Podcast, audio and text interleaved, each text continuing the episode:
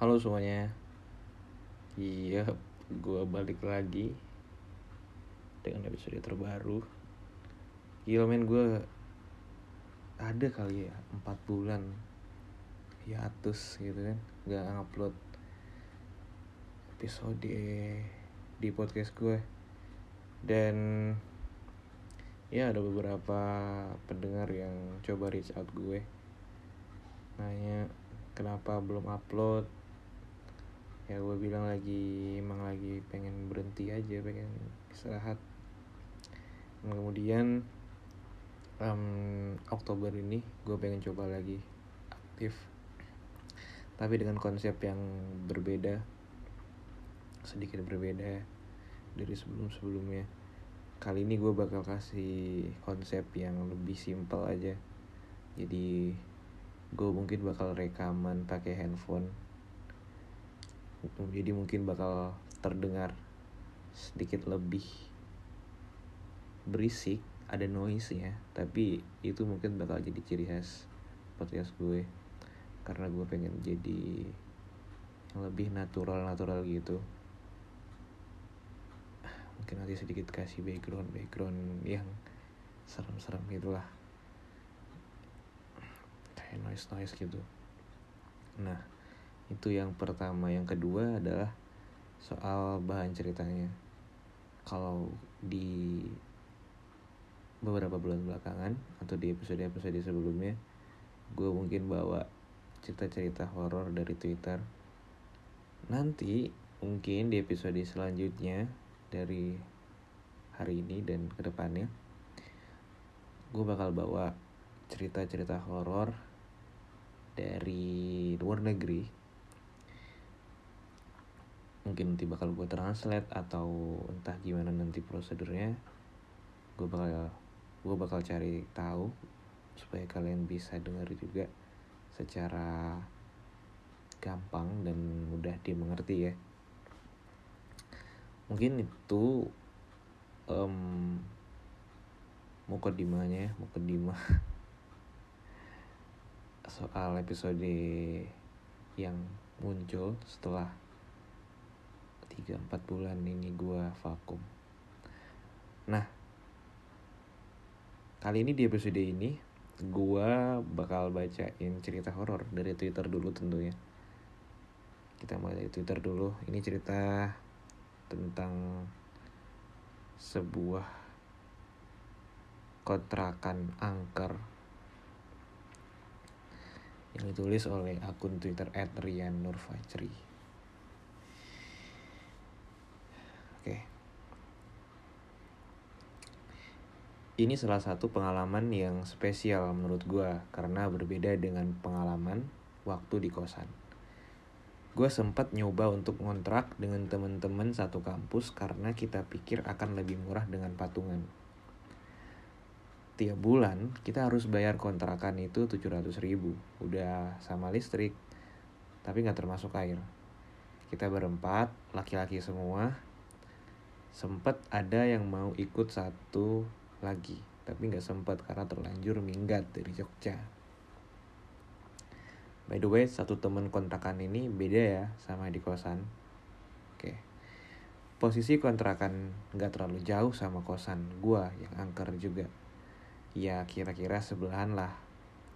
Jadi kosan gua sama kontrakan gua ini sebelah-sebelahan nggak jauh-jauh banget. Yang mana kosan gua ini angker. Sekitar 5 km dari kosan. Itu nggak jauh, itu nggak deket anjir. Gimana sih? 5 km tuh berapa menit ya kalau naik mobil naik motor? 15 menit lah ya. 5 km dari kosan. Untungnya jalan ke kampus nggak lewatin kosan belangsak itu atau kosan yang angker itu? Lega hatiku rasanya. Baik kosan bajingan. Dan untuk pelaku seperti biasa gue sensor karena teman-teman gue pada galak. Namanya Aldi, Acup, Mandra, dan gue Rian empat laki-laki brengsek yang mencoba peruntungan dengan kontrak yang berakhir tragis. Oh iya, mereka ini mereka ini teman dekat gue pas di kampus. Bareng-bareng terus dari semester pertama sampai gue minggat. Senang bareng, tapi banyak susahnya dan gue heran kenapa dapat temen modelan kayak gini. Tapi mereka bakal bantu kalau di antara kita lagi susah, padahal tiap hari susah. Singkat cerita, kita lagi nongkrong berempat di bawah pohon sambil ngambil cacing tanah. Tiba-tiba si Aldi celetuk. Nyeletuk buat ngajak kita ngontrak. Ada yang setuju, ada yang enggak. Setelah melewati musyawarah yang panjang sampai berbulan-bulan, akhirnya kita semua sepakat. Dapatlah kontrakan itu di dalam area perkampungan. Enggak kampung sih, Cuma masih banyak pohonnya. Murah, rumahnya cukup besar, dan ada tiga kamar doang. Sialnya gue berdua sama si Aldi. Dia tipe yang penakut. Ya cuma gak apa-apa lah. Mayan ada temen ngobrol pas mau tidur. Setelah siap, kita semua berangkat ke kontrakan itu buat beres-beres dan angkat-angkat barang dari kosan ke kontrakan gue pamit sama isi kosan bajingan itu. Ada yang sedih dan ada yang seneng juga. Gue angkut satu-satu barang ke atas mobil pickup dari meja, baju, TV, komputer sampai pintu kosan. Ini sebenarnya alasan kenapa gue malas pindah. Karena repot. Tapi ya nggak apa lah. Coba-coba nyari suasana baru. Pas sampai kontrakan gue lihat rumahnya biasa aja dan cukup terawat kecuali di gentengnya. Nah ini tuh dia ada dikasih denah kontrakannya ya tapi dalam versi gambar ya. Gue gimana cara jelasin ke kalian ya kalau versi gambar? Terus memvisualisasikan ke audio tuh gimana sih? Pokoknya kayak rumah biasa lah ya rumah biasa ada pintu di depan ada tiga kamar terus ruang tamu sama dapur berpisahan. Oke. Okay. kamar A ini kamar gua sama Aldi paling besar. Yang mana kamar A ini deket pintu. Pintu depan. Kamar si Manera ini B kamar C ini acuk dan D ini kamar mandi di belakang dekat dapur kamar mandinya. Dan di belakang kontrakan itu kebun dan kuburan. Parahnya, gue baru tahu itu pas udah lumayan lama di kontrakan itu. Pada saat survei itu kontrakan gue nggak ikut karena ada matkul tambahan yang harus gue ikutin. Jadi gue serahkan ke kepada teman-teman yang awalnya gue percaya pada akhirnya gue benci. Tapi ya gimana? Nasi udah jadi bubur harus dijalanin. Awal tinggal di situ kita happy happy aja. Gak ada kejadian aneh atau apa pun itu. Gue sempet merasa lega karena gak ada lagi teror dari makhluk tak kasat itu. Hidup gue berasa sempurna rasanya. Hampir dua bulan gak ada kejadian aneh. Nah sebelah kontrakan gue itu ada rumah juga keluarga kecil yang gue nggak tahu bahagia apa enggak karena mereka jarang kelihatan keluar rumah. Tapi ya nih tiba, tapi tiba-tiba pagi-pagi pas gue melek dan masih belekan dapat kabar kalau sebelah kontrakan itu suaminya meninggal. Heran dong. Kita semua heran. Nggak tahu apa penyebab beliau meninggal karena nggak mau kepo juga cukup ngelawat aja kita semua sholawat bareng gitu.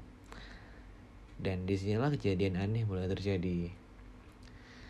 Sumpah kalau diingat-ingat gue masih merinding coy sampai sekarang. Seminggu setelah kepergian tetangga gue itu ada satu hal aneh muncul di kontrakan kita. Bukan gue yang ngalamin sih tapi si Aldi. Dia waktu itu sendirian di kontrakan karena kita.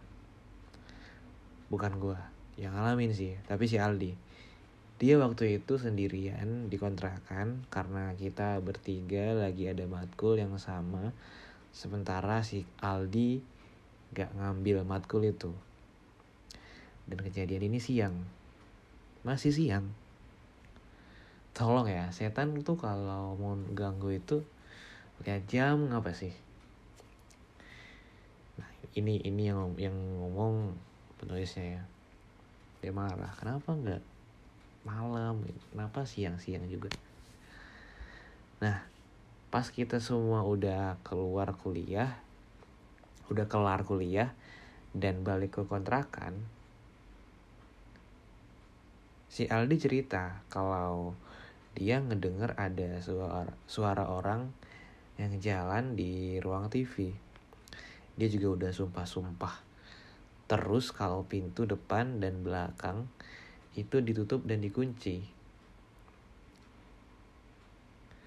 Lagi pula kalau ada yang mau masuk, pasti kedengeran ada yang buka pintu kan. Tapi ini gak ada. Suara langkah kakinya itu gak cuma sekali, tapi kayak orang yang bolak-balik. Dan heran, si Aldi, suara siapa? Langkah kaki itu. Kemudian dia mau lihat tapi nggak berani. Akhirnya dia tetap stay di kamarnya sampai kita pulang. Ada sekitar lima menitan suara langkah itu dan akhirnya hilang. Setelah si Aldi pastiin suaranya udah nggak ada, baru dia berani keluar kamarnya. Dia celinguk-celinguk, gak ada siapa-siapa, gak ada siapa-siapa. Dia lihat ke belakang dan juga mastiin pintu masih kekunci dan gak ada bekas apa pun. Dia lihat ke pintu depan juga masih terkunci, jendela dia juga periksa dan juga masih ketutup rapat dan gak ada tanda-tanda buka paksa. Ini udah kayak investigasi investigasi investigasi maling ya. Dan barang-barang di ruang TV juga aman, gak ada yang hilang. Kalau kamar kita semua juga aman karena kalau pergi pasti kita kunci kamar masing-masing. Terus siapa dong yang balik yang bolak-balik tadi? Masih menjadi misteri sampai sekarang. Gua pasrah. Masa dapat kejadian kayak gini lagi sih? Akhirnya kita semua coba lupain kejadian itu dengan nonton film rame-rame di ruang TV. Tapi gue lihat muka si Aldi tuh udah pucat aja. Oh ya, kejadian langkah kaki ini termasuk cukup sering ya Gak tiap hari sih. Cuma menurut gue kalau itu makhluk lagi mood aja ganggunya. Selang tiga hari gue ngalamin sendiri denger langkah kaki itu. Cuma kejadiannya ini malam sekitar jam setengah 12 kalau nggak salah. Bentar ya, gue mau hidupin lampu dulu. Ini lampu kamar gue. Entah kenapa gue gak enak aja gitu feeling gue ngebaca cerita horor dalam rang dalam suasana gelap gulita lampu tidur gue lampu kamar gue gue matiin. Jadi gue hidupin lagi. Oke lanjut ya. Nah cuma kejadian ini malam sekitar jam setengah 12 kalau nggak salah semuanya udah pada masuk kamar masing-masing karena besok Paginya kita ada matkul. Sialnya gue belum ngantuk dan mager juga nonton sendirian di ruang TV. Gue lihat si Aldi udah mangap mangap-mangap kayak sungai yang lagi meluap gitu. Gue udah paksain buat merem tapi gak, gak bisa. Ngeri meledak aja di mata kalau dipaksain. Dan gue akhirnya nyerah. Gue buka HP dan main sosmed. Maksud hati biar ngantuk karena bete. Tapi malah makin seger mata gue ditambah lagi tiba-tiba gue denger langkah kaki di ruang TV fuck lah. Gue positive thinking. Mungkin si Mandra atau si Acup mau ke kamar mandi. Tapi kan masalahnya kalau mereka keluar kamar kedengeran dong suara buka pintunya tapi ini nggak kedengeran sama sekali. Pikiran gue makin kacau ke mana-mana karena gue udah sering alamin hal kayak gini akhirnya gue bodoh amat.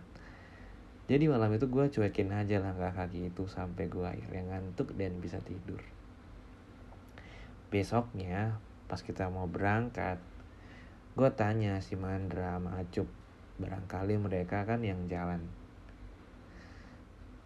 Lu semalam ngapain mondar mandir? Di ruang TV cup gue tanya si Acup hah? Kagak yan. Gue semalam langsung molor. Mandra kali tuh kata si Acup lah kagak. Gue juga molor kali sahut si Mandra. Lalu siapa dong? Itu semalam yang jalan Oke, bodo amat. Gue udah pastiin itu bukan mereka berdua. Berarti ya kalian tahu lah ya siapa. Nah, kemudian sampai kampus si Aldi langsung nyamperin gue. Bener kan? Kata si Aldi. Bener apaan lu? Peyak. Gue sewot itu semalam. Bodo amat nyet. Ya gue males nanggepin si Aldi karena nggak mau mikirin juga. Biasanya kalau sekali ada gangguan dan ke depannya akan ada yang lebih lagi tiga minggu setelah kejadian itu ada hal aneh yang kembali kita alamin di kontrakan itu. Entah kenapa tiba-tiba ada bau bangke dari arah dapur. Oke kita semua mikir mungkin bangkai tikus atau binatang apalah. Kita cari sama-sama di mana sumber baunya di dapur tapi gak ketemu juga. Sampai kita bongkar semua pun gak ketemu juga. Satu-satunya tempat yang belum kita cek yaitu plafon atas. Kebetulan ada satu plafon yang bolong di sana. Si Mandra yang ukuran badannya kecil kayak kerdil kita suruh naik. Awalnya dia nggak mau tapi setelah dibeliin permen kaki akhirnya mau. Wah di brengsek yang nulis nih untung permen kaki men. Bukan momogi atau coklatos atau mungkin oke jadi drink anjir anjir. Nah terus si siapa sih? Mandra ya namanya. Mandra ini naik ke atas.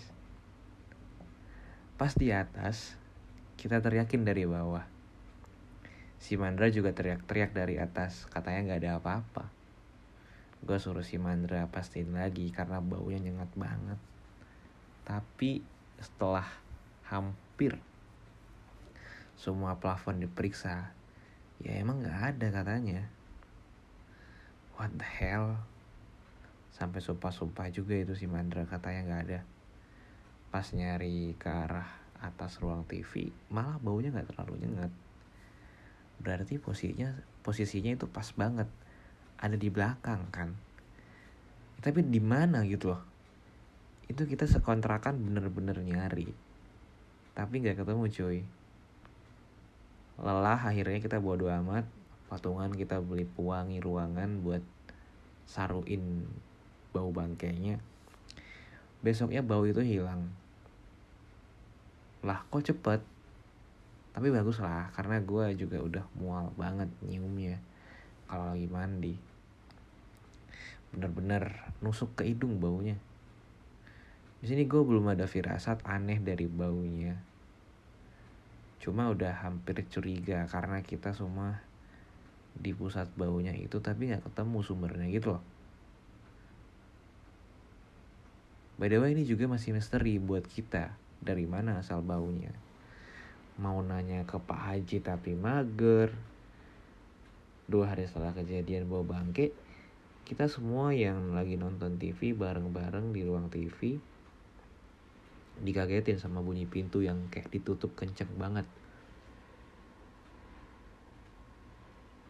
Dan itu pintu belakang. Serius, gue kaget sampai jantung gue deg-degan. karena saking kencengnya itu loh kita semua langsung ke arah belakang lihat siapa yang nutup pintu kenceng begitu tapi setelah dicek ternyata pintunya kekunci lah terus pintu apaan dong tadi? Iya makasih cicak. Jawabannya adalah pintu hati.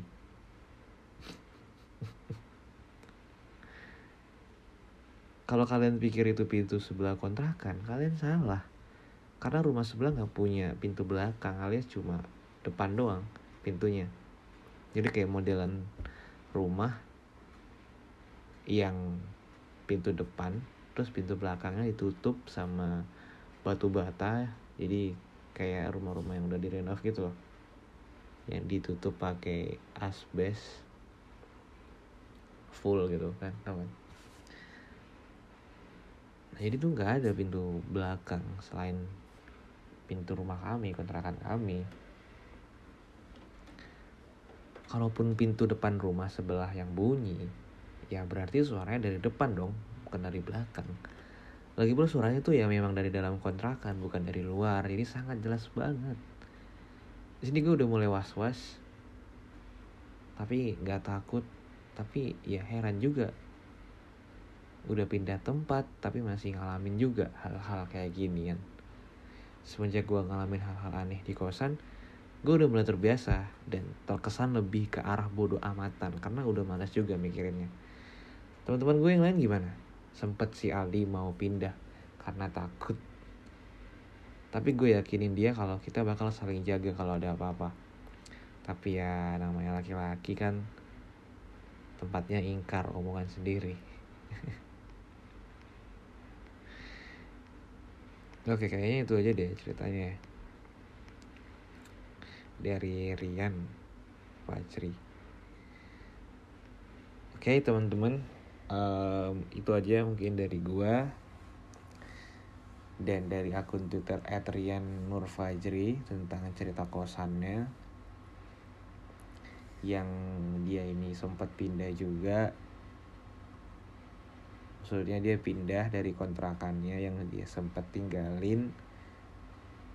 Aduh salah lagi pindah dari kosannya yang sempat dia tinggalin dan kosannya itu angker terus dia pindah ke kontrakan eh malah diteror juga. Masih diteror teror kayaknya gue tahu nih alasan kenapa diteror pasti dia masuk rumah nggak ngucap salam ya kan? Kalau dia aja dia agama gue kalau kita masuk ke rumah atau keluar rumah ya di agama gue itu kita wajib mengucapkan salam. Assalamualaikum. Nah itu katanya kalau kita dari luar terus masuk ke rumah kalau kita ngucap salam itu jin atau makhluk halus tuh gak ikut masuk ke rumah. Itu kata ustadz ustadz di agama gue mungkin agama lain kayak gitu gue kurang tahu. Oke itu aja gue sampai ketemu di episode berikutnya ya. Uh, eh, gue Iksan gue bakal balik lagi nemenin kalian di setiap minggunya jadi stay tune terus di podcast gue. I'm back bro. Bye